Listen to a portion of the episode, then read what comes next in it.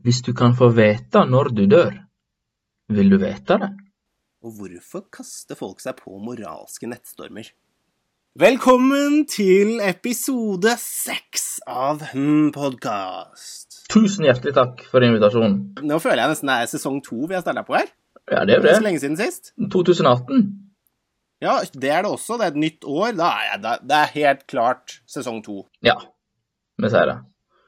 Ja, øh, og vi er samlet her i dag øh, over øh, den nydelige teknologien som heter FaceTime, for å diskutere. Og hva skal vi diskutere? Og det kan jo du kanskje si noe om, Rebin. Hvordan fungerer egentlig denne podkasten her? Jo, jeg eh, har lest en studie som du ikke aner noen ting om. Du har ikke peiling hva den handler om. Eh, og så skal jeg presentere den for deg. Så skal vi diskutere og reflektere rundt eh, de funnene vi har funnet der.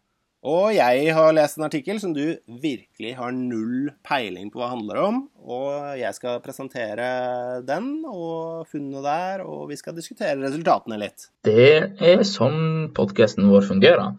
Og mitt navn er Rebin eh, og går på femteåret på profesjonsstudiet i psykologi. Og jeg heter Richard og har en master i organisasjonspsykologi fra Universitetet i Oslo, og nå jobber jeg i rekruttering. Yes. Og da setter meg i gang.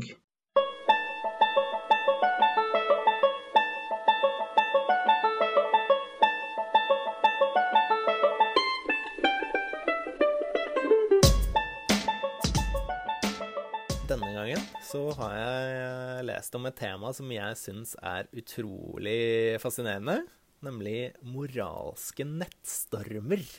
Ok, moralske nettstormer. Ja, ja, det er vel et tema du uh, syns er ganske interessant. Det, Det er det, og moralske nettstormer er faktisk jeg som har kalt det, da. Men i artikkelen, som er på engelsk, der kaller de jo da online firestorms. OK. Jeg vet ikke om det Ja. er hva som er beste Vi går for moralske nettstormer. ordet. Moralske nettstormer. Jeg syns det er ganske Ja. bra. Altså. Så eh, hva er moralske nettstormer? Eh, det har blitt eh, definert som et plutselig utslipp av store mengder negative meldinger eller klager mot en person, et selskap eller en gruppe i sosiale medier. OK. Så det er liksom en uh, uh, ja, Folk som har kasta seg på ei bølge, liksom, med ja, noe de anser som umoralsk.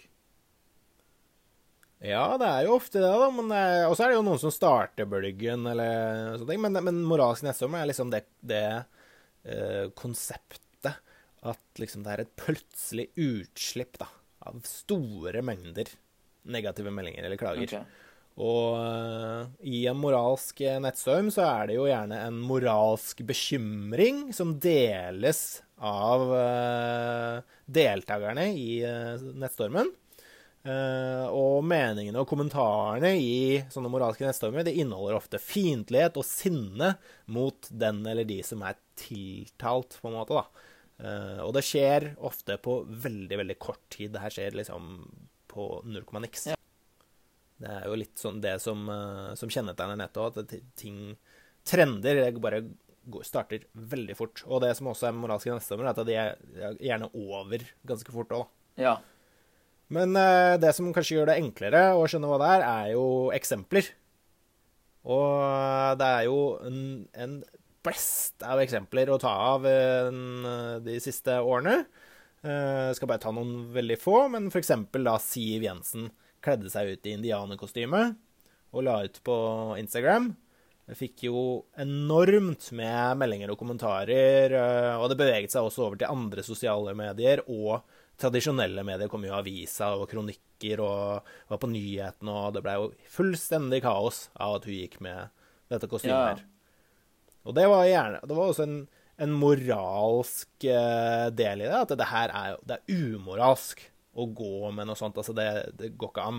Og så er det andre som også ble nesten en moralsk nettstorm imot det også. At eh, herregud, folk tar dette altfor alvorlig, og, og folk klikka på en liksom på andre sida også. Ja, jeg husker det. Det var store oppslag i media, og sosiale medier. Altså avisene og Facebook og sånt. Ja, og eh, en veldig kjent historie på den moralske nettstormer er en dame som heter Justine Sacco. som eh, skulle fra New York til Sør-Afrika, og hun hadde vel bare en sånn 170 Twitter-følgere eller noe. Men så skrev hun en vits på Twitter. Going to Africa. Hope I don't get aids. Just kidding, I'm white. og så skrur hun av mobilen, og så er det noen, plutselig noen som, som oppdager denne tweeten og syns det er helt forferdelig, syns det er rasistisk, syns det er bare helt forferdelig å skrive noe sånt, og tweeter det selv. Og plutselig så oppdager det tusenvis av folk denne tweeten, og folk eh, Ja, det blir den verste moralske nettstormen. Som da ender med at eh, folk krever at hun burde få sparken, for hun er en PR-rådgiver, og det, det, går ikke an å ha en PR-rådgiver som skriver noe sånt. Og eh, det ender også med at hun får sparken. Så det viser at moralske nettstormer kan få reelle konsekvenser. Ja. Så hun fikk sparken, ja, på grunn av det der? Ja. Og det, det viser også, som er veldig interessant, er jo at moralske nettstormer har en tendens til å til å, at meldingene blir bare mer og mer fiendtlige. Det blir mer og mer eh, eh, ja, krav til at denne personen eller gruppen burde dømmes eller få noe Dette burde få noen helt forferdelige konsekvenser. og det, det, blir gjerne Det topper seg. eller Én melding vil toppe den forrige, og den neste vil toppe den forrige, og så blir det bare verre og verre moralsk nettstorm, da. Ja, så blir det kanskje litt useriøst av og til, ja. Ja, det kan ta litt for av, da. Ja. uh, og et siste eksempel er jo et uh, veldig nylig eksempel med Hennes og Maurits, som på sin nettside la ut et bilde av uh, barn som hadde på seg forskjellige klær. Klær som skulle selges, selvfølgelig. og på en mørkhudet gutt så hadde de tatt på en genser der det sto 'Coolest monkey in the jungle'. Og det var det jo Det ble helt kaos. Det, folk ble veldig forbanna og syntes dette var rasistisk, og de skjønner ikke at det går an å holde på sånn. Nå, det kan jeg jo være enig i, at det, ingen, ingen, så det, at det der var litt rart. Det, Tenkte ikke de på at dette her kom til å få veldig store negative reaksjoner? Nei, det er jo det Hensom Maurits har sagt, at det her har vært en glipp, liksom. At de skjønner jo ikke selv eh, sikkert hvordan det har skjedd, men det, de mener det har bare vært en glipp. Mm. Uh, men det er jo da Altså, det har fått store konsekvenser. Og The Weekend, han er artisten, mm. var, han har jo hatt et samarbeid med Hensom Maurits tidligere, og gikk ut da og, og, sa at han skulle aldri samarbeide med Hensom Maurits igjen. Ja, så. Det kan man jo tenke seg liksom har kan ha konsekvenser for henne som er retts, da. Ja, absolutt. Men i dag skal det altså handle om moralske nettstormer og eh, en um, studie der de prøver å skjønne hvorfor er det noen deltar i en moralsk nettstorm. Hvorfor er det noen skriver en kommentar og blir med på den bølgen, da, sånn som du beskrev det. Mm. Uh, så uh, det her var et eksperiment og da lagde de en eh, Facebook-konto for et uh, flyselskap. Så ut som et helt uh, en ekte Facebook-konto, og det var for et faktisk ekte flyselskap også. og på denne Facebook-siden så hadde de lagt inn et innlegg. Der var en klage og jeg forteller denne personen at uh, hun har vært med på en flytur hvor oppførselen, oppførselen til to flyvertinner var helt forferdelig. Mm. Så deltakerne kommer inn og får se denne klagen. Og i den ene eksperimentgruppa så fikk uh, deltakerne lese at flyvertinnene hadde baksnakket en tjukk mann og ledd av hvor mye han hadde spist, og hvordan han hadde spist, og i det hele tatt vært veldig frekk trekke mot utseendet hans og spisevanene hans bak ryggen hans. Uh, og det her hadde da personen klaga på.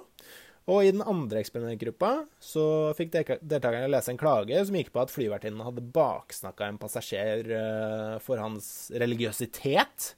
Hadde kalt han et skadedyr og tulla med at uh, sånne religiøse folk burde dø og den type ting. Mm. Og så var det også Eh, vil, de, vil, de, prøve å skjønne ok, har det noe å si hvor mange som har kasta seg på bølgen fra før? Har det noe å si for om man, man kaster seg eh, på sjøl, da? Så da var det tre forskjellige eksperimentgrupper. Ja, men uh, var ikke det sånn at uh, ja, Hva var det folk reagerte mest på, da, av de to? Ja, skal vi ta det, det resultatet først? Det kan vi gjøre. Det, da, det er jo spørsmål til deg, da. Hva tror du? Nei, jeg tippa kanskje religiøse, fordi det er kanskje litt, litt mer betent tema enn overvekt. Jeg vet ikke. Ja, det er helt, eh, helt riktig, Rebin. Det, det har de da um, også sett for seg, da. Det var, og det viste seg å være sånn. At folk reagerer Folk har større tendens til å kommentere og bli med på klagestormen her, da. Eh, og skrive en kommentar hvis uh, situasjonen er den at det, at det er snakk om religiøsiteten her. Ja. At, at flyvertinnene har vært frekke pga. religiøsitet. Da, da, da vil folk skrive kommentar. Ja. Uh, men hvis det bare er at de har mobba en tjukk fyr, da er det liksom Ja, da, det er ikke nok til at de gidder å skrive en kommentar. Ok, Så det er større sannsynlighet hvis det, ja, hvis det, handl, hvis det var at jeg hadde baksnakka om religiøsitet? Ja, det er helt riktig. Og uh, grunnen mener jo Det teoretiserer jo forfatterne om at uh, en grunn til at folk deltar i moralske nedstormer, er fordi at de føler at, at det har skjedd noe moralsk uriktig, da, eller noe moralsk feil. Noe som, som krever at man tar et initiativ og, og gjør noe med dette her. Mm.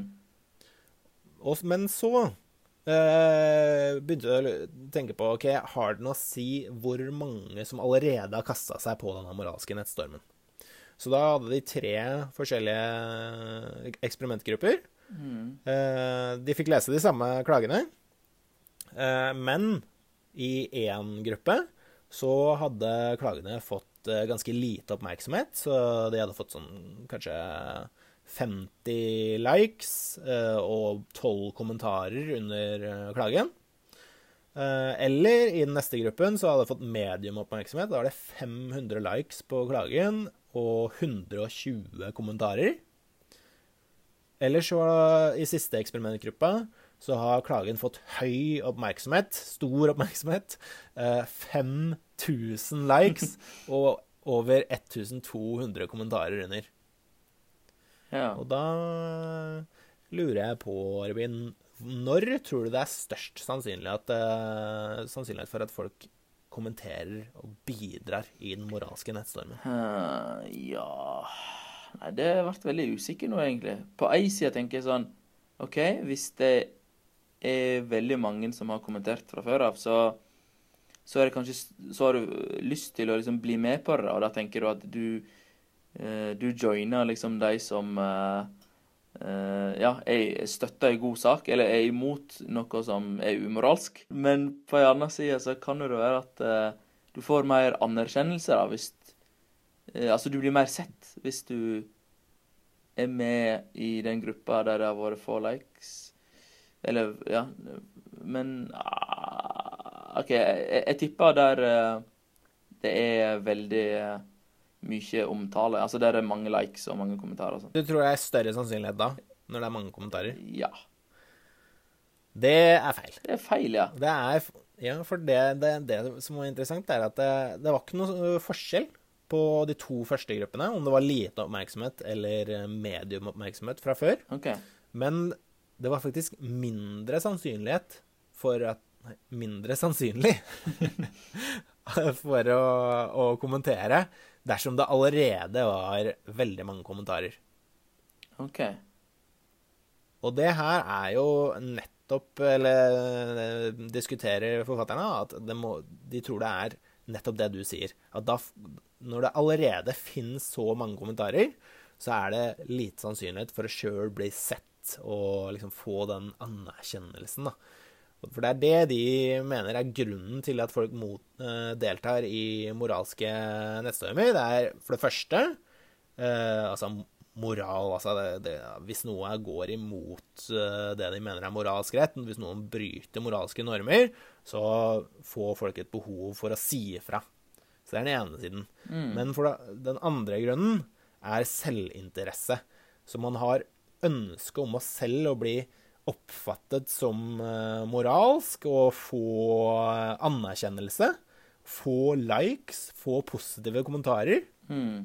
Og, og den eh, selvinteressen der, eller den sannsynligheten for å få likes og få positive kommentarer, mener, eller føler folk er mindre eh, hvis det allerede er masse, masse kommentarer. Da. Hvis, hvis liksom 1200 har kommentert fra før, så er det lite sannsynlighet for at min kommentar får masse likes. Ja, ja, det er sant. Du blir bare ei dråpe i eh, et hav, liksom. Ikke sant? Mm. Så det er rett og slett eh, eksperimentet her. jeg, blir, jeg blir Og nysgjerrig på én ting her.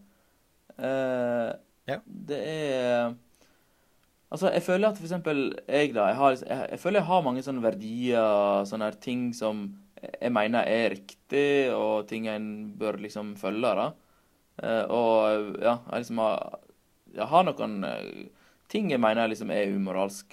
Men det er veldig sjeldent jeg kaster meg på sånne bølger da, på, på nettet og, og kommenterer, liksom, uansett om det har fått lite oppmerksomhet eller uh, mye oppmerksomhet. Og det er egentlig fordi at jeg jeg tenker ofte at media framstiller disse sakene, f.eks. det med jeg vet ikke, HM-saken som du tok opp, eller Siv Jensen At det, at det blir litt sånn unyansert, kanskje. Så, så, så da Mm. er jeg liksom aldri sikker på, på intensjonen til eh, de andre eh, som kanskje har gjort noe umoralsk i hermetegn. Eh, og ja, da, da vil ikke jeg liksom kaste meg på det, da, fordi jeg tenker at eh, Ja, jeg, jeg vil ikke få oppmerksomhet som jeg Altså, jeg vil ikke få den anerkjennelsen når jeg er usikker på om hva jeg egentlig mener, og hva jeg Ja, og om det er riktig av meg Men- å bli med på den bølgen. Ja, ikke sant. Så du, da, du prater jo mer om den moralske delen. Altså, så når Hennes og Maurits har en eh, De hadde jo da en Jeg vet ikke om du har sett det? Den reklamen? Ja, det har jeg faktisk ikke sett. Nei. Men det er en gutt på ja, typ kanskje ti år, tror jeg. Uh, han er mørk. Ja. Veldig mørk. ja. Og så, og så har han en genser på seg hvor det står 'Coolest monkey in the jungle'. ja. Hva tenker du da? Altså, Hvis du hadde sett den reklamen, hva hadde du tenkt da? Nei, jeg, jeg tenkte Det høres jo veldig rasistisk ut, da. Du liker ikke å bli Ja. kalt uh, ape, og spesielt ikke når du er mørk. Som har en historie Ja. med at uh, ja, det blir uh... Så hadde, men hadde du sagt ifra? Hadde du sagt noe? Jo da, jeg hadde vel kanskje Men jeg ja, ok, jeg, jeg ikke, altså Jeg syns jo det er feil, da. Jeg syns jo det burde bli tatt vekk.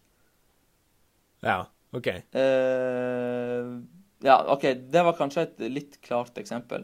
Men det med for eksempel Nei, jeg, jeg syns det er bra. La oss grave Ja, ja, ja men du, ta, Altså, ta Så du, du syns moralen er Du syns at det burde gjøres noe her, Ja. men allikevel så føler du ikke at eh, Du har ikke noe lyst til å skrive en kommentar. Det Eh, er sånn jeg skjønner det? ja, men kan vi ta et annet eksempel? Det med Siv Jensen, for eksempel. Du har Jeg, ikke jeg lyst til å skrive på Facebooken din, jeg se på det greiene her. Jo Nei, jeg har det, ikke lyst til å men, skrive men det her det på syns jeg er superinteressant. ja, men du, hør, hør. Jeg tror ikke jeg, jeg har lyst til å skrive det på Facebooken min, men jeg, jeg syns den reklamen burde bli fjerna. Men jeg tror ikke det har noen sånn stor påvirkningskraft av at jeg gjør det. Men uh... Men det her er jo egentlig superinteressant, for hvorfor driver folk og Altså, det er jo så vanlig at folk legger ut på Facebooken sin eller på Twitter eller noe sånt. Det er sånn Se på det her, alle sammen. Det her er helt forferdelig. Se på uh, Siv Jensen. Hun har på seg det her. Det er helt krise. Se på henne som er et gjør, de gjør det her. Se på det. Alt mulig. Hvorfor hvis det, hvis det bare hadde vært mo det moralske, da, hvis bare folk mente at det her er moralsk feil, det her burde gjøres noe med, hvorfor sender de ikke bare en klage direkte til bedriften, da, til henne som Maurits f.eks.? Hvorfor må de legge det ut på sin egen Facebook og, og skrike det ut uh, et, til alle vennene det høres Ja, det er egentlig mest den egoistiske interessen da, å bli liksom anerkjent og vise at Oi, han er imot uh, dette her. Og det er jo Det høres jo umoralsk ut. Det høres feil ut av Siv Jensen å kle seg i det der. Det høres feil av HM ut å gjøre det der, så uh, Oi, han her har prinsipp og verdier. Han her eh, er, er en bra fyr, liksom. Det, det er sikkert det folk eh, ønsker at andre skal tenke om det. da. Ja. Nei, det er jo det jeg alltid har tenkt om. Ja, ja. At jeg bare Herregud, det her er men- bare men samtidig så er jo det- Men, men samtidig så er jo det også sånn at uh, Ja, det vil, folk vil jo kanskje at det skal få oppmerksomhet i media blant andre folk. Ja, og det er akkurat det jeg skulle si også, at vi har jo akkurat sett det nå i metoo-bevegelsen, kan man vel kalle det. At eh, Sånn som jeg sier, hvorfor, hvorfor ikke bare si det direkte til bedriften? Det er, og det viser seg at det er mange i, eh, av disse som har vært i metoo-bølgen, da, som har prøvd å gå direkte til f.eks. Arbeiderpartiet, da, og sagt det fram der. Og så har det aldri skjedd noe. Mm. Så det er jo Iblant så er det jo er det jo at man må få, få det ut i offentligheten og uh, få oppmerksomhet rundt det da, før det blir tatt på alvor. Ja. det er sant. men det er litt sånn Jeg føler det er eh, Jeg føler helt klart at det ikke bare går på folks moral, men at det også går mye på selvinteresse i, eh, i mange av disse sakene. Ikke metoo, jeg vil ikke ha det på meg, men eh, Men i mange av disse andre sakene. Da skjønner jeg ikke helt hvorfor folk må skrike det ut i, på Facebooken sin. Og, og det her er jo interessant, fordi grunnen til at du og jeg ikke har skrevet det på noen sosiale medier, tror jeg er nettopp fordi jeg mener at det ser dårlig ut for meg sjøl. Hvis jeg hadde skrevet en kommentar, så mener jeg at det hadde sett dårlig ut for meg sjøl. Mm. Og det er jo sikkert det du mener òg, at du, du vil ikke ha det på deg at du har sagt et eller annet som kan se feil ut, da. Ja, det er det jeg tenker. også at føler jeg ofte at eh, at jeg ikke har nok informasjon for det komplette bildet. da. At jeg, eh, Mm. som jeg sa tidligere, at det blir litt sånn unyansert, og da veit jeg ikke helt om jeg hva jeg mener, om jeg har nok informasjon til å mene noe i det hele tatt. Mm. Men jeg, jeg kom på en ting nå. når Det er jo ofte, du ser på Facebook-kommentarene og sånt, så er det jævlig mange folk som skriver sånn der eh, eh, First, eller bare sånn der eh, Lik denne kommentaren hvis du syns at eh, det og det og det eh, også, også, altså, sant? Folk ønsker å komme på topp i den kommentarlista, da. Og det er jo Altså, det handler ja. jo kun om den sjøl- sjølinteressen. ja. Men det er jo litt sånn Altså, alle har jo lagt ut et uh, bilde på Instagram eller eh, eh, lagt ut et eller annet bilde på Facebook, og så vil man jo gjerne at det skal få masse likes. Ja ja, selvfølgelig. Så det er jo ingen som er helt immune der. Nei, Nei man har, nok det- jeg fella kanskje med det- sikkert. Ja, ja, ja, ja. Men det jeg føler at det, det som eh, er litt farlig med disse moralske nedstrømmene, er at det går utover noen. Mm. Det, det er liksom eh, man, man vil gjerne boikotte henne som er et selv. Man vil eh, at hun eh, Justice eh, skal få sparken for at hun har skrevet denne vitsen, og Mm. Eller man syns Siv Jensen er en helt forbanna jævla idiot, og at det går an å være så tragisk og ikke sant? Det blir nesten mobbing iblant, Ja, da. ja, det blir det. Altså, jeg gjør det tilgjengelig hele tid. Altså, det er jo på nett. Du, du kan jo lett finne fram til det. Det er bare en rask Google-søk. Så Mm. liksom ødelegger du det omdømmet da, til folk. Ja. Så, nei. Ja, nei, altså, jeg syns i hvert fall det er et eh, veldig spennende tema, som jeg helt sikkert kunne dykka enda dypere inn i, og prøvd å skjønne eh, hvorfor eh, folk skriver, eh, skriver kommentarer, eller hvorfor folk ikke skriver kommentarer, for å forstå deg bedre, da. Eh, Men det er så langt som vi rekker Ja. å gå inn i det i denne studien her, tror jeg. For nå er jeg veldig interessert i å høre hva du har lest om.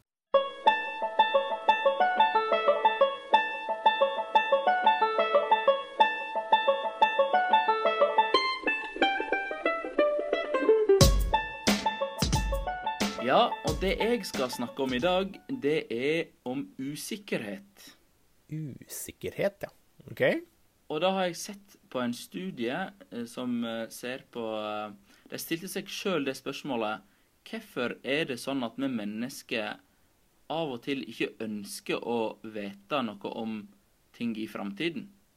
Hvorfor vi ikke alltid ønsker å vite ting Um, Nei, vil vi ikke alltid vite ting? Vi vil jo vite det meste.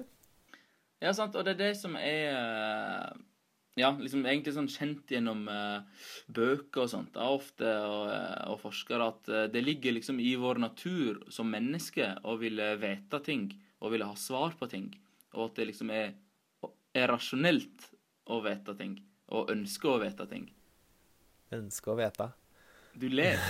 ja, det var veldig mye vete. Ja, og vite. Men eh, Nei, jeg er jo helt enig. Altså, det er derfor vi satte i gang med podkasten nå, da. At vi, vi vil jo Altså, i, i studentlivet så lærte vi masse og måtte lese masse artikler og, og lære nye ting.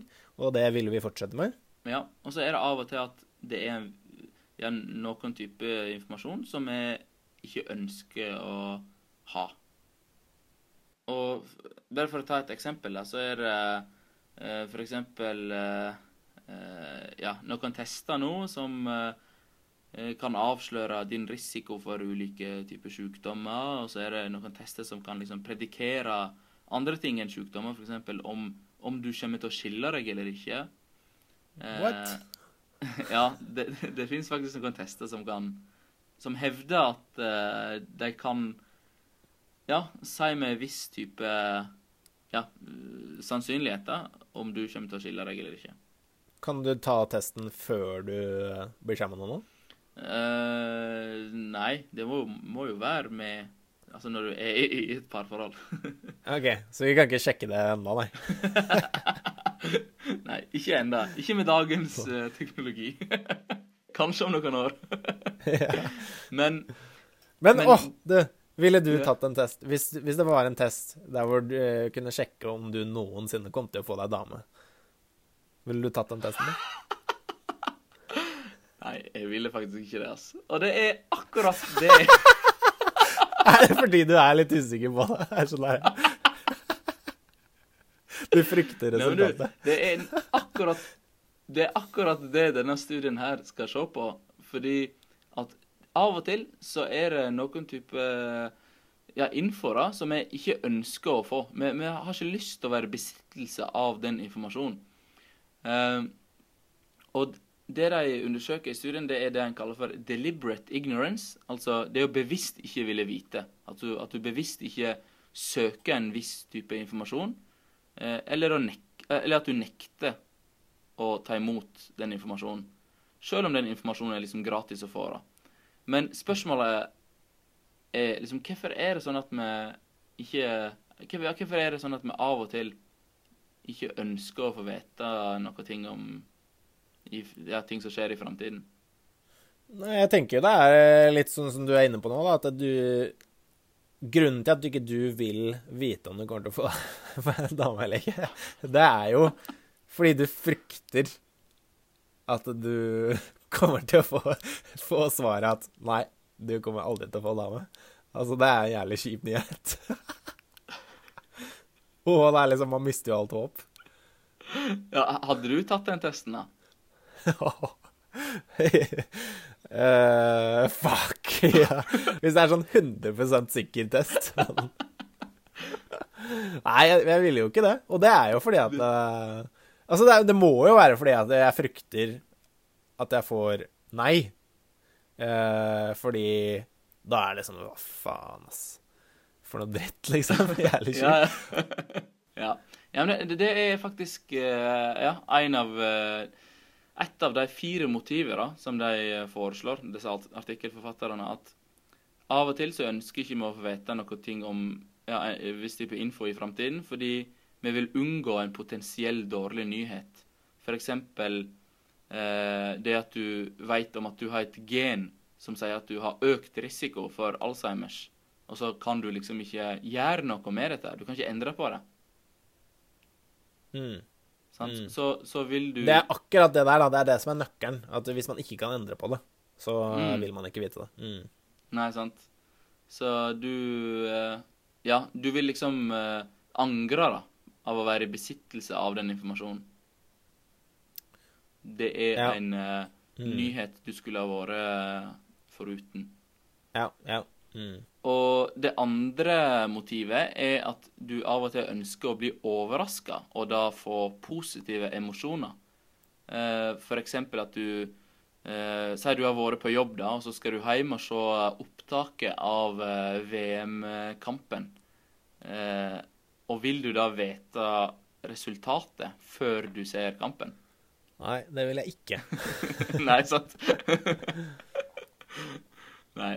Og og så er det et uh, tredje motiv, som er en mer sånn strategisk grunn. At du liksom kan profitere på å ikke vite.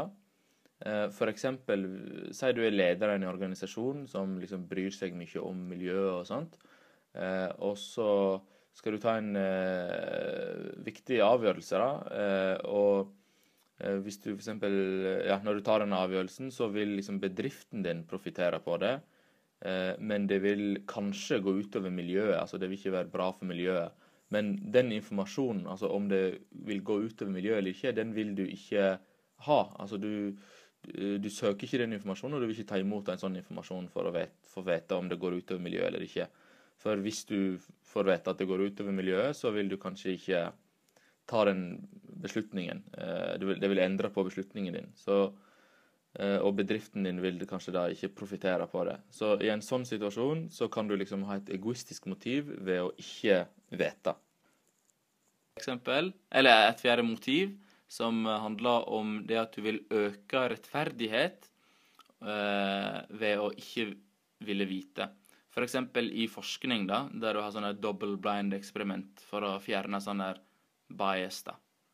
Ah, ja, ikke sant. Ja, men sånn har vi rekruttering også, eller at uh, vi ikke At vi ikke leser navnet, det, for det kan påvirke hvis det er på en måte et utenlandsk uh, navn eller noe sånt. Det skal jo ikke påvirke avgjørelsen. Så derfor er det, lønner det seg å ikke se på der hvor navnet står, eller uh, prøve å fjerne den informasjonen. Og Samme kan jo gjelde alder eller kjønn og Mm. sånne ting. Ja, at det er liksom selve kvalifikasjonene som burde ha noe å si, ikke navn eller alder eller rase. Ja. Mm. Mm. Ja, Men det de ser på i denne studien, her, det er de to første motivene. Det er nemlig det at du vil unngå potensiell dårlig nyhet, og at du ønsker å bli overraska. Ja. Mm. Ja, da var det sånn at de stilte folk eh, ti spørsmål. Eh, og de stilte folk eh, f.eks. Eh, spørs spørsmål om negative ting som de kunne få vite om i framtiden. F.eks.: Vil du vite om når partneren din kommer til å dø? Og vil du vite hva partneren din kommer til å dø av? Og vil du vite når du kommer til å dø? Heftig.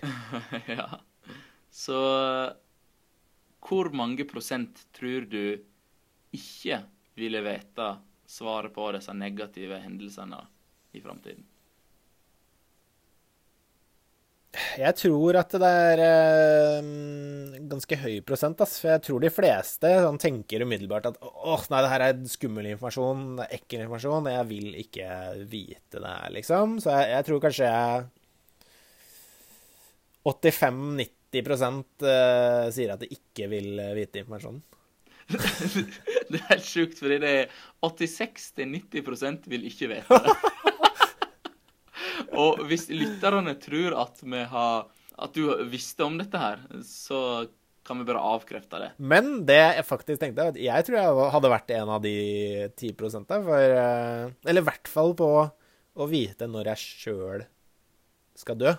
For med en gang, jeg tenker med en gang sånn her Å, det er jævlig skummel informasjon, liksom. Jeg vil ikke Jeg vet ikke helt om jeg Det er så Det er nok ikke så digg følelse når du får vite det. Men det er på en måte noe du kan gjøre noe med. For hvis jeg får vite at jeg, ja, du kommer til å dø om eh, tre år, da, så, så vil jeg gjerne vite det, egentlig. Fordi det påvirker jo hvordan jeg lever livet mitt de siste tre åra. Ja, så hvis du hadde fått vite at uh, OK, Rikard, du dør uh, til neste år. Ja, da hadde jeg jo totalt endra livet mitt. Ja. Og så uh, kanskje jeg heller hadde fått vite at ja, du dør når du er eh, 150 år. Da hadde jeg kanskje begynt å spare mye mer til pensjonsalderen. ikke sant? så, det, så det er liksom Jeg hadde kunnet fått gode effekter, da. Så jeg er en av de 10% smarteste på det spørsmålet, mener jeg, da. Ja, så, så du ville ha fått eh, vite det? Du, du hadde takka ja til det? I hvert fall det spørsmålet der. Det hadde vært veldig interessant å få vite når eh, dama mi kom til å dø, da, og hvordan hun kom til å dø. Siden jeg, spesielt siden jeg ikke har fått meg dame ennå. Så-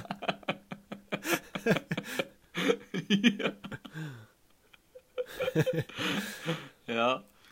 Uh, ja. Og så hadde de ti spørsmål om positive ting uh, som kom til å skje i framtiden. Eksempel vil du vite skjønnet til barnet ditt? Og vil du vite hva du får i julegave?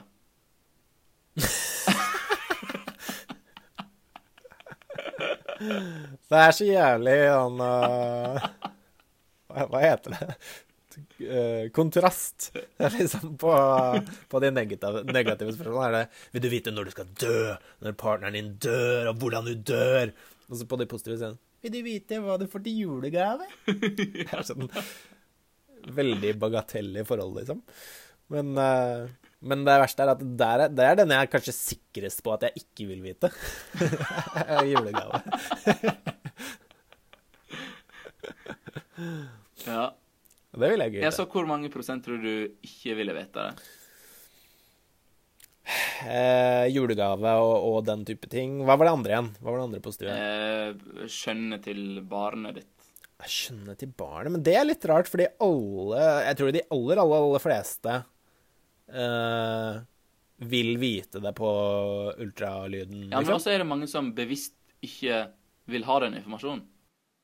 Er det mange? Men det har faktisk vært studier som har testa det, og da har de eh, Jeg tror ikke jeg har hørt om noe. eh, Ja, da har de visst at ca. 50% ikke vil vite skjønnet på barnet.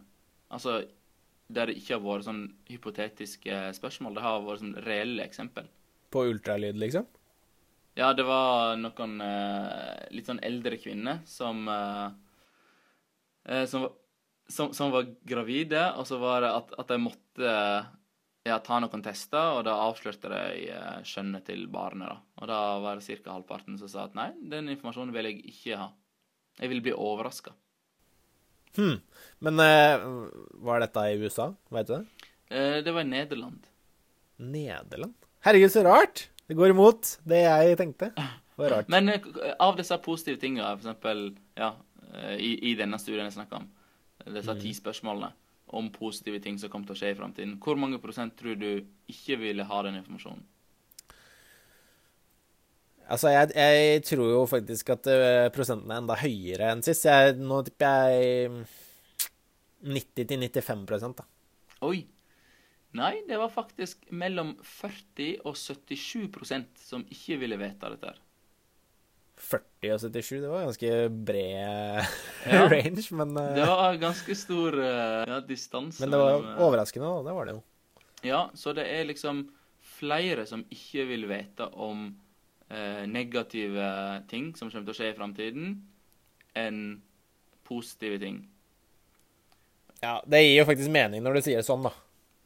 At folk vil, jo Vil jo helst ikke ha negative nyheter. Ja.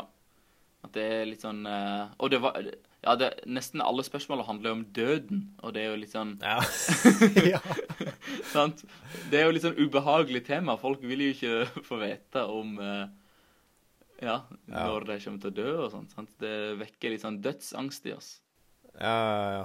Det er jo litt sånn derre Vil du snakke om uh, kjønnet til barnet ditt, eller uh, om julegavene dine?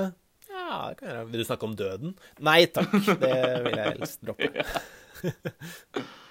Så eh, Ja, men, eh, ja, teorien eller forklaringen på hvorfor folk ikke ville vite om de positive tingene, det var liksom at du forventer anger. Eh, altså, du forventer å angre eh, hvis du liksom spoile en potensiell overraskelse. da. Altså, du vil bli overraska. Det er en sånn positiv emosjon. Overraskelse. Ja. Og det eh, Ja. Jeg føler det der er skikkelig sånn eh, I hvert fall de to uh, spørsmålene du tok opp, da, er veldig sånn tradisjon for sånn julegaver, da. Det er sånn tradisjon at det skal du ikke vite før du pakker det opp på julaften, liksom. Mm. Og, det, og grunnen til at man ikke vil vite det, er at man vil, man vil ikke ødelegge den tradisjonen, liksom. Mm. Og ødelegge den spenningen, da. Mens Og på, på å vite barnets kjønn også, føler jeg sånn herre Det er sånn gammeldags å ikke skal vite det før det faktisk popper ut, da. Altså, mens, mens unge i dag, de er sånn herre Jeg kan gjerne vite det dag åtte av graviditeten, liksom. Da kan jeg godt vite kjønnet. Ja. Ja. Hvis det hadde vært mulig. Ja. Nei, det eh, Hvis du kunne vite kjønnet til ditt førstefødte barn Ja. Du kan få vite det nå. Nå. I dag. Ja. uh, det, uh, nei, jeg vil faktisk ikke vite det. Jeg vil bli overraska. Vil du vente helt til den popper ut? Nei, nei, jeg vil faktisk vite det Men nå har jo ikke jeg eh, Nå har jeg ikke planer om å eh, få barn helt ennå. Så jeg, jeg vil ikke vite det nå. Men kanskje under graviditeten vil jeg vite det, men ikke nå. Da vil du vite, ja. Mm. Men eh, ja, er det sånn at du ja, Altså, jeg tenkte på en ting. Uh, han kunne jo liksom argument, argumentert for at det er liksom egoistisk å ikke ville vite om For eksempel når, når partneren din kommer til å dø. For da kunne man liksom ha eh, planlagt ting og gjort Ja, plan, gjort li, levd livet litt annerledes, da. Ja, ja. Men, men eh, ville du vite om Eller veta om du Om du Eller når du skal dø? Vil du vite det? Nei. Men da er det jo ikke egoistisk å si nei til å eh, Når partneren din dør, da. For du vil ikke vite det sjøl engang. Nei, ja, men jeg, nei, jeg vil ikke vite verken uh, om meg sjøl eller uh, min partner, liksom. Så, men ok, her, her er et interessant spørsmål. Hvis, hvis legen din kunne bare fortalt meg det når du skulle dø, ville du at det Hvor er sjukt spørsmål er det? hadde, Vil du at jeg skal få vite det? Hvem skal legen min fortelle deg om når jeg kommer til å dø? For da kan jeg liksom Da kan jeg si, gi deg tips og sånn. Du kan være sånn derre Burde jeg spare masse penger nå, eller burde jeg leve i sus og dus? Kan jeg si sånn. Ta på deg spandable buksene du, Robin. Og så plut plutselig hadde du bare liksom vært med meg hver dag. Du hadde ringt meg hver dag. Og jeg hadde blitt sånn skikkelig mistenksom. Nei, men Men eh, Nei, altså, jeg eh, Jeg tror ikke jeg ville ha jeg, jeg ønsker ikke den informasjonen, for da hadde jeg liksom levd livet mitt helt annerledes. Og så hadde, hadde jeg bare Ja, jeg vil bare leve i nuet. Ja. Men OK, si hvis du hadde fått uh, vite at OK, du har økt risiko for Alzheimers. Ja, men jeg synes, for det første så syns jeg den eh, Da blir det noe helt annet når det er økt risiko. Fordi hvor stor økt risiko, liksom? Ja, du har 5% økt risiko Nei, si, si du hadde sagt at uh, fem, Jeg vet ikke Litt risiko. Eller. Det er bra lege. Det var litt risiko for Gi så mye, men litt. Ja, men eh, altså, jeg vil si at eh, Ja, jeg vil, jeg vil faktisk vite det. For da Altså Jeg sier ikke at jeg hadde endra livet så voldsomt, men liksom Hvis det er noe jeg kunne gjort, da, så kunne jeg gjort det. Sånn herre Hvis du løser sudoku to timer om dagen, eh, så eh, minker du risikoen igjen. Da er det liksom sånn OK, kanskje jeg skal begynne å gjøre det, da. Ja.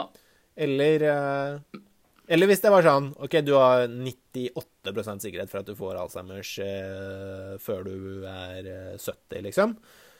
Så kunne jeg kanskje Da hadde jeg kanskje endra livet drastisk, da. Begynt å forske på Alzheimers eller Ja, men det er det som er ulempen, jeg tenker. Da handler livet ditt om det, og så går du glipp av helt andre ting i livet. Litt sånn gledesfylte ting. At du dedikerer livet ditt til, til akkurat den lille tingen.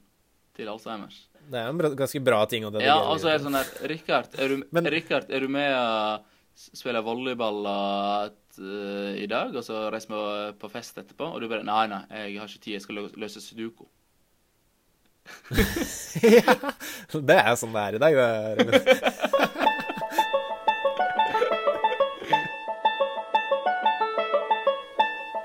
All right. Ha det bra.